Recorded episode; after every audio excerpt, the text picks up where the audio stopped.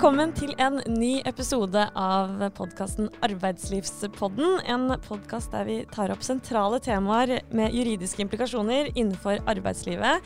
Forhåpentligvis på en enkel og forståelig måte. Og i dag så har vi med oss Per, hallo. Hei, hei. Og Jardar, som er ny i podkasten vår. Hei. Hei, hei. eh, og i dag så skal vi snakke om konkurranseklausuler. Men eh, før det kan vi få en kjapp introduksjon eh, på hvem dere er. Ja, jeg heter eh, Per Agnar Brunken. Jeg er advokat og partner ved vårt Oslo-kontor, og leder vår avdeling da for arbeidsliv. Ja, og mitt navn er Jardar Brun-Teigen. Jeg jobber på eh, Bergenskontoret til SENT, og da i all hovedsak med arbeidsrett. Yes, To arbeidsrettslige karer. Yes. og i dag så skal vi som nevnt eh, snakke om eh, konkurranseklausuler. I dagens arbeidsliv er medarbeideres egen kompetanse og nettverk viktigere og viktigere, og vi ser at eh, arbeidsgivere i økende grad ønsker å begrense medarbeidernes adgang til å begynne hos en konkurrent dersom de velger å, å si opp eller må forlate arbeidsplassen. Og det gjelder også det med kunder. Um, først av alt, hva er egentlig konkurransebegrensende avtaler uh, når vi snakker om dette, da? Konkurransebegrensende avtaler det kan man si er en samlebetegnelse for eh, tre typer klausuler. Det er altså konkurranseklausuler, kundeklausuler og rekrutteringsklausuler. Uh, og uh, det disse klausulene kjennetegnes ved, er jo at i alle fall hva gjelder konkurranseklausul og kundeklausul, er at eh, arbeidsgiver og en virksomhet vil ha adgang til å beskytte seg mot at ansatte tar med seg da kompetanse og kunder uh, over til andre virksomheter, og beskytte seg da mot, uh, mot uh, konkurranse på den måten. og det er lov, men bare i en viss utstrekning. Og det er inntatt et eget kapittel i arbeidsmiljøloven om disse, disse klausulene som eh, bestemmer uh, når og hvordan disse kan brukes, og inneholder regler om bl.a. kompensasjon da, for, for konkurranseklausuler. Og Er det vanlig å ha uh, slike klausuler i arbeidsavtalene sine, Jardar? Ja, altså det, vurderer, det, varierer nok litt fra bransje til bransje, men vår oppfatning er jo at det har blitt ganske vanlig i dag.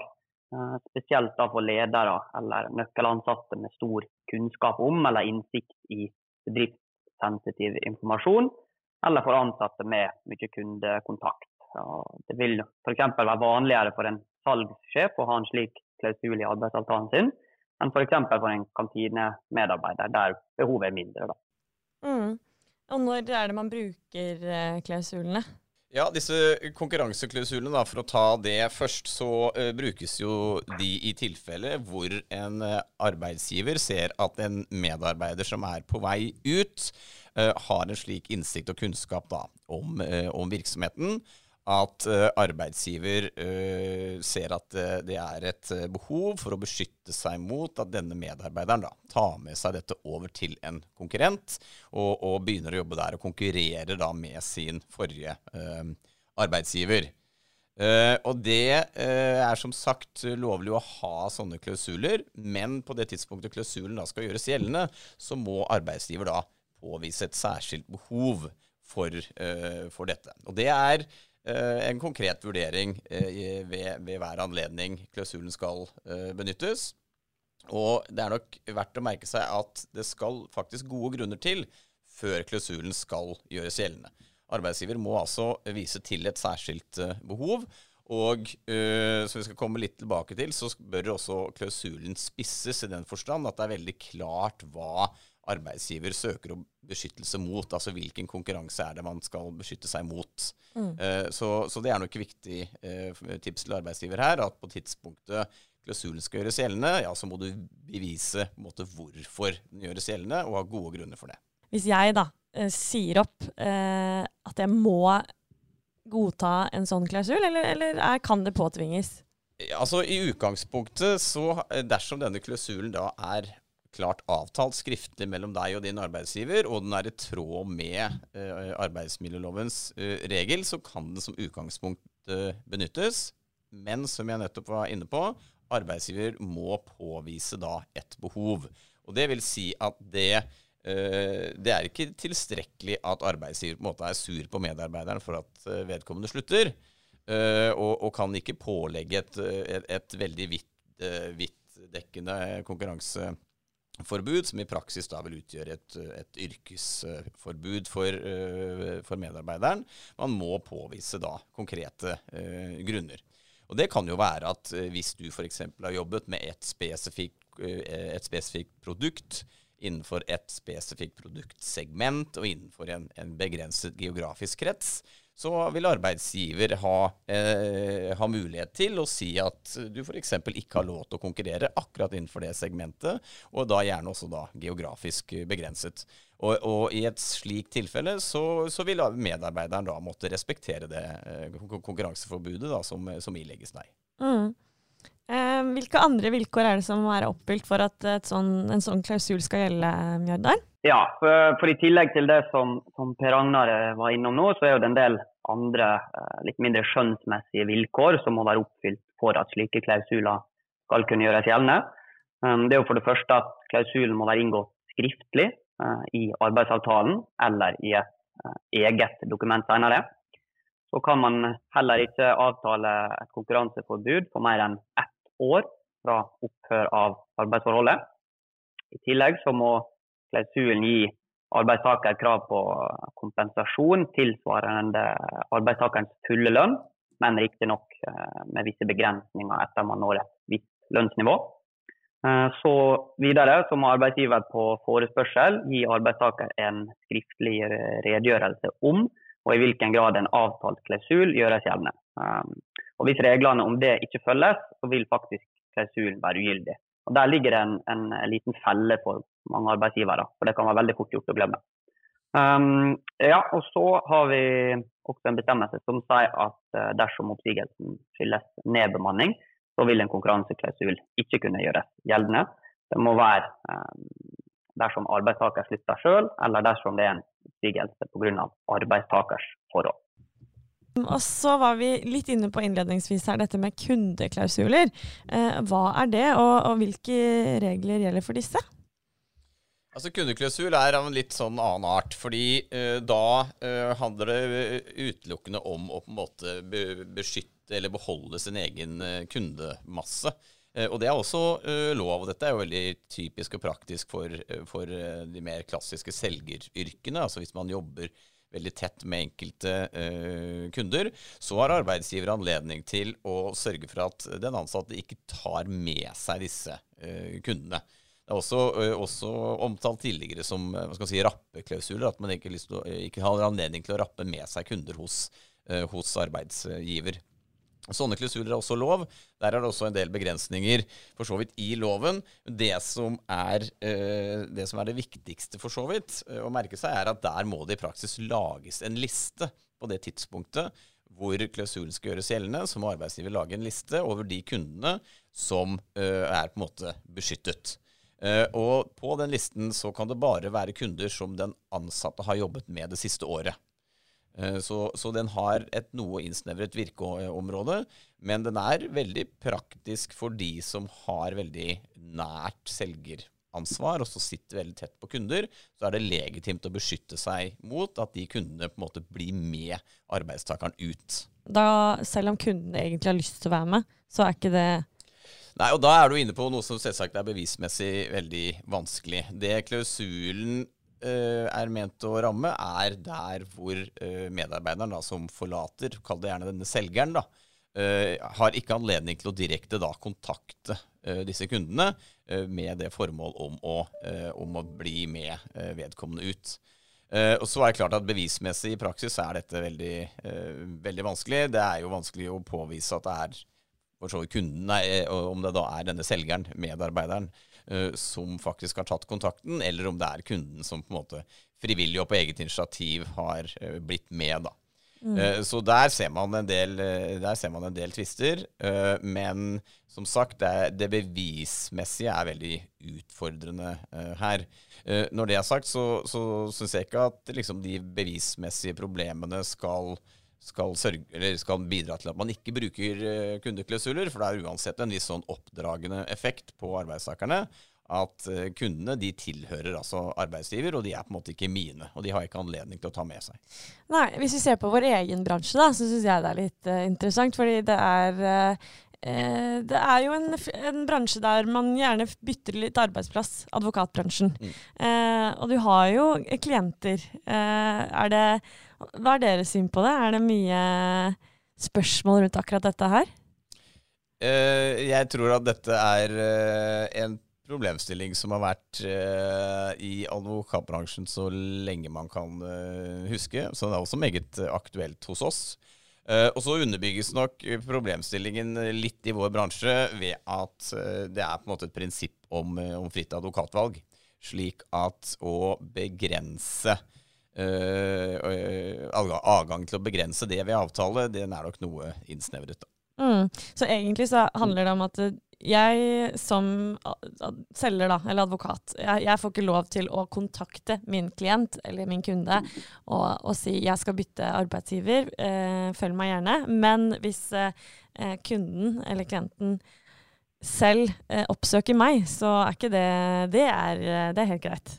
Ja, i utgangspunktet så, så, vil det jo være det. Og det samme, altså, Men samtidig må vi huske på at hvis det skal være en aktuell problemstilling knyttet til det vi snakker om her, da, så må det være en ansatt advokat som er da arbeidstaker i arbeidsmiddellovens forstand, og som har underlagt en slik kundeklausul. Da kommer jo regelverket til anvendelse på samme måte. Hvis jeg får bare skyte inn med et litt praktisk eksempel der, så er jo det mange tilfeller der det vil være nettopp vanskelig å vurdere om altså, hvem har kontakta hvem. og man kan jo Altså det er jo veldig vanlig for å skrive på LinkedIn at man skal eh, slutte eh, jobben og man skal begynne hos eh, et annet selskap. Da.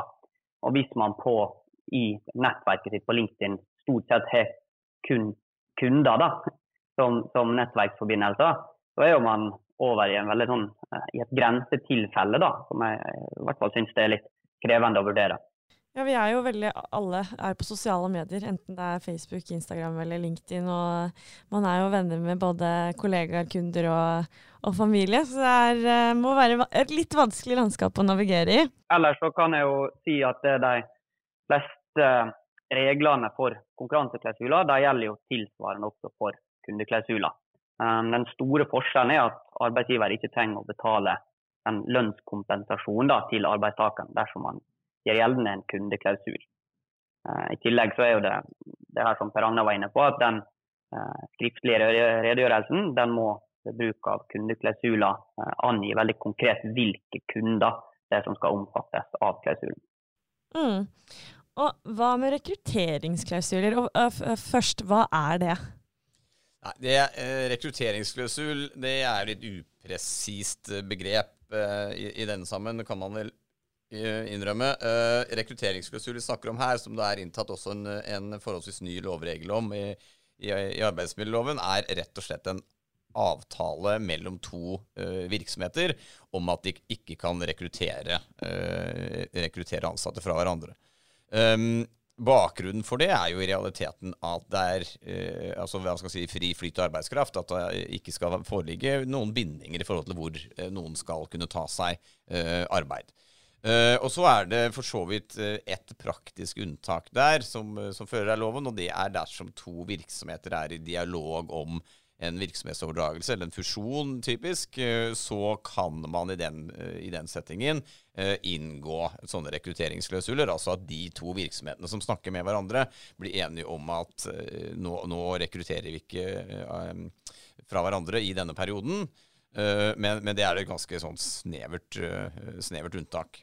Uh, dette er en klausul som den, den, er, den, er, praktisk for så vidt akkurat i den settingen jeg nevnte nå, altså i transaksjonssettingen, uh, men, men, utover det så er ikke dette en klausul som hva skal si, arbeidstakerne du, uh, kommer borti veldig mye. da. Så la oss si at en arbeidsgiver da mottar en oppsigelse fra noen, en de anser som en uh, svært viktig ansatt, og vurderer da om de skal gjøre uh, konkurranseklausulen gjeldende i arbeidsavtalen hans eller hennes. uh, hva bør arbeidsgiveren legge vekt på da? Ja, for, for selv om det er inngått da en avtale om konkurranseklausul, så må jo arbeidsgiver foreta en vurdering av nettopp det reelle behovet for å gjøre den klausulen gjeldende. Og Da holder ikke det at man er fornærma fordi arbeidstakeren skal begynne hos en konkurrent. Og man må vurdere konsekvensene for arbeidsgiver hvis konkurranseklausulen ikke gjøres gjeldende. Og Da må arbeidsgiver vurdere om arbeidstakeren besitter kunnskap eh, eller har innsikt i eh, kunnskap som medfører da et særlig behov for vern for arbeidsgiver. Og I den vurderinga vil typisk arbeidstakers stilling og lengden på ansettelsesforholdet være særlig relevante moment. Så Arbeidstakere som verken kan sies å ha en overordna ledende eller særlig betrodd stilling, vil som regel ikke ha den innsikt i eh, eller kunnskap om virksomheten som kan begrunne en konkurranseklausul. Og kortvarige arbeidsforhold vil som regel tilsi at arbeidsgiver ikke har et særlig behov. Og det skal mye til for å gjøre gjeldende en konkurranseklausul overfor arbeidstakere som eh, har vært ansatt i seks måneder eller mindre. Um, så ofte da når man har tatt den vurderinga her, så vil man jo komme til at ikke det foreligger et særlig behov for vern, slik at lovens krav eh, ikke er oppfylt. Eh, I tillegg så må arbeidsgiver uansett eh, foreta en vurdering av om skadepotensialet av å ikke gjøre klausulen gjeldende eh, er større kanskje av den kompensasjonen som man må betale til arbeidstakeren dersom klausulen gjøres gjeldende. Er det noen bransjer der sånne klausuler ofte dukker opp? Altså, Når det gjelder konkurranseklausulene, de som eh, Jarda nettopp nevnte, så er det min erfaring at det er særlig eh, teknologibedrifter eh, hvor eh, man uh, utover, av utover av nær innsikt da, i selve måte, produktet eller teknologien, så har, er man også har man også en, en, en, en dyptgående innsikt i virksomhetens businessstrategi og plan videre, sammenholdt da med innsikt i, i produktet. Det er, eh, det er, en veldig sentral stilling hvis man har på en måte eh, oversikt over, eh, over dette. Og, de, og, arbeidsgivere blir veldig sårbar for å miste en slik eh, ressurs over til en, til en, konkurrent. Ikke bare fordi innsikten da i produktet, som nevnt, men man vil jo da vite hva sin forrige arbeidsgiver, og da konkurrenten, hva slags planer de har for produktet i markedet osv. Når det gjelder kundeklausulene, så er det jo litt tilbake til det jeg sa tidligere, at det er nok typisk i, uh, i hva skal si, selgerbedriftene.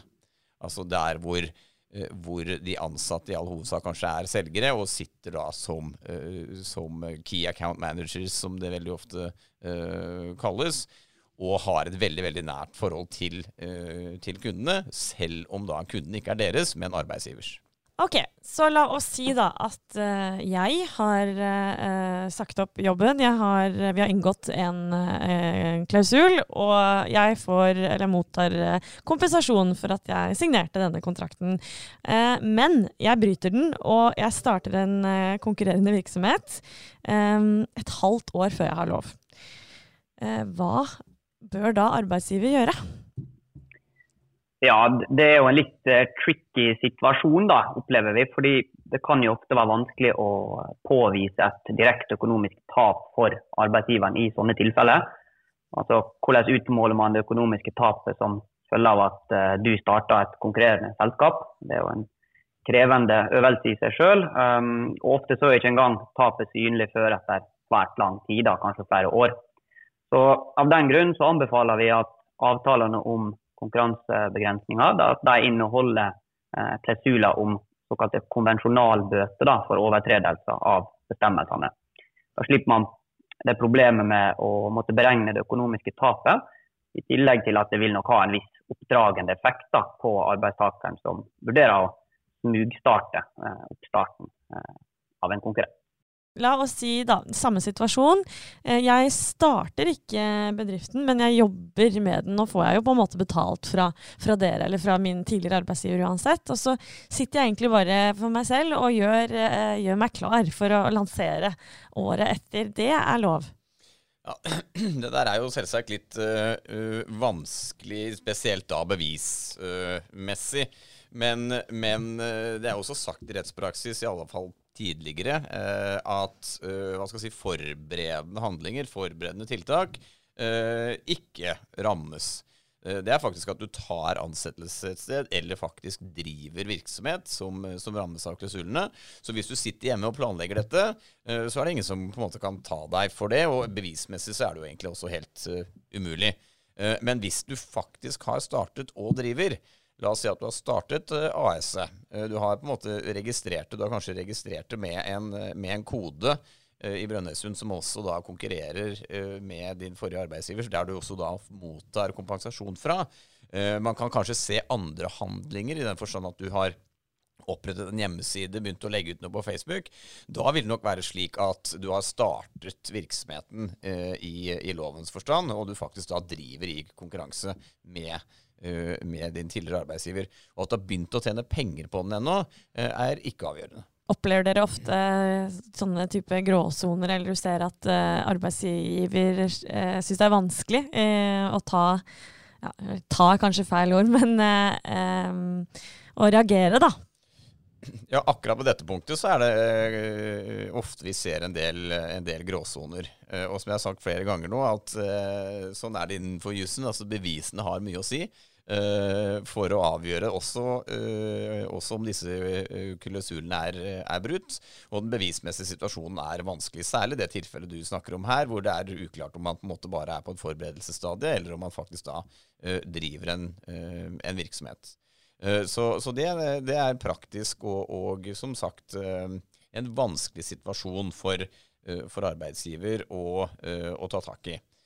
Og så er det jo ofte slik at, at arbeidsgiver da sier at OK, vi tar ikke endelig stilling til om du for så vidt har brutt denne klausulen eller ikke.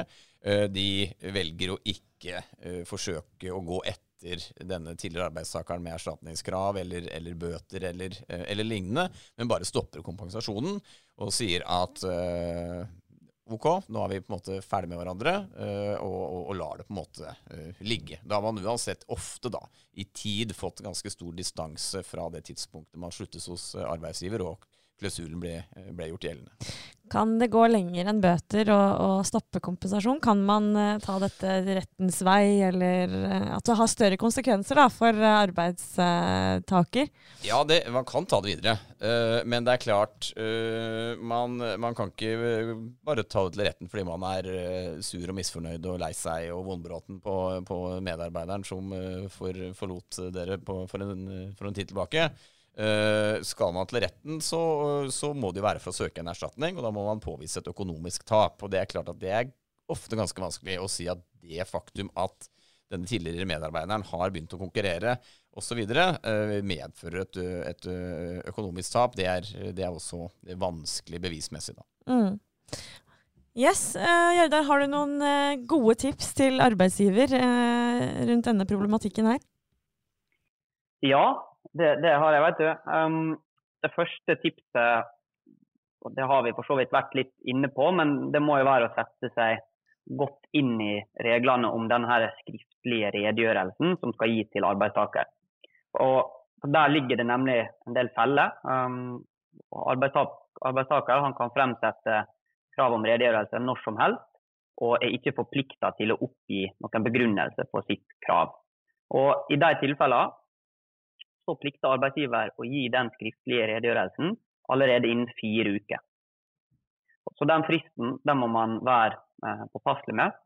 Eh, den gjelder likt dersom arbeidstakeren sier opp. Og disse fristene de er det veldig mange som ikke er bevisst på. og Da kan man risikere at klausulen ikke kan gjøres gjeldende, kun fordi man ikke har gitt en slik skriftlig redegjørelse innen fristen. Ja, det er helt enig Jardar. Det, det, er veldig viktig, for der er det sånn bordet fanger. Enten så er det gitt redegjørelse uh, i tide, eller så er det ikke det. Uh, så, så, det er det, nok det aller viktigste tipset. Uh, et annet tips kan være at på det tidspunktet du gjør klausulen gjeldende fra arbeidsgivers side, så må man ikke gjøre den gjeldende hva skal si, fullt ut. og den bør absolutt spisses som jeg var inne på litt innledningsvis, gjerne si det at du har ikke lov til å jobbe med dette konkrete produktet eh, innenfor denne bransjen, innenfor denne geografiske eh, enheten. Hvis man gjør det, så er det en, en spisset og god øh, klausul som må inngå i da, denne øh, redegjørelsen. Og det er mye enklere for begge parter å forholde seg til. Og rettslig sett så er det klart større sjanse for at en slik spisset øh, klausul står seg, sammenlignet da med de de bredere overliggende eh, klausulene. Uh, og uh, til slutt så tror jeg det er veldig viktig å være klar over at det viktigste for arbeidsgiver er nok å få klausulene inn i kontrakten. Både konkurranseklausul og kundeklausul. Og så er det jo slik at man må jo ikke bruke de. Så man må bare foreta en god vurdering på det tidspunktet typisk en ansatt slutter. Er det et reelt behov, eller er det ikke? Og Det er en, det er en vurdering man, man virkelig må sette seg inn i. Eh, og ikke man skal si, reagere i affekt og si at eh, vi gjør klausulen gjeldende. Punktum. For det første er det ikke da sikkert at at den står seg, men man, man, må påvise dette særlige behovet. Og for det andre så har du da sagt at jeg forplikter meg til å betale kompensasjon i henhold til klausulen og i henhold til loven. Og det er ganske mye penger. Hva hvis man ikke har uh, vært smart og puttet klausulene inn i den arbeidsavtalen og den ansatte sier opp, og, og, du ser at det er nødvendig egentlig med en sånn type klausul, kan du gjøre noe da, eller er det Nei, har toget gått? ja, da har egentlig toget gått. Men det man må huske på, er jo at øh, det løper jo en oppsigelsestid i ansettelsesforholdet, stort sett. Øh, og øh, den Eller stort sett, det løper for så vidt alltid en oppsigelsestid i ansettelsesforholdet. Spørsmålet er bare hvor lang oppsigelsestiden er. Og der er det jo i praksis da fra én til seks måneder. Eh, I denne perioden så har arbeidstaker en uh, lojalitetsplikt. Så i den oppsigelsestiden så kan ikke arbeidstaker gjøre noe. Så da vil man uansett få et lite tidsrom mellom uh, oppsigelsen og det tidspunktet eventuelt da den ansatte starter hos en konkurrent. Ja, og i tillegg, så selv om man ikke har en sånn klausul, da, så er jo det et forbud mot aktivitet som strider mot god forretningsskikk. Slik at man kan jo som arbeidstaker komme i et ansvar selv om man ikke har en sånn uh, klausul i avtalen sin. Uh, I tillegg så er jo det også et forbud mot å ta med seg forretningshemmeligheter ut av uh, selskapet. Mm. Så litt, litt sikre er man uansett? Litt sikre er man, men uh, særlig hvis man skal forsøke å hindre uh, dette med, uh, med, kunder, så er det kanskje særlig viktig å huske på adgangen til å bruke kundeklausul. Eh, det er praktisk viktig. Det koster ikke arbeidsgiver noe.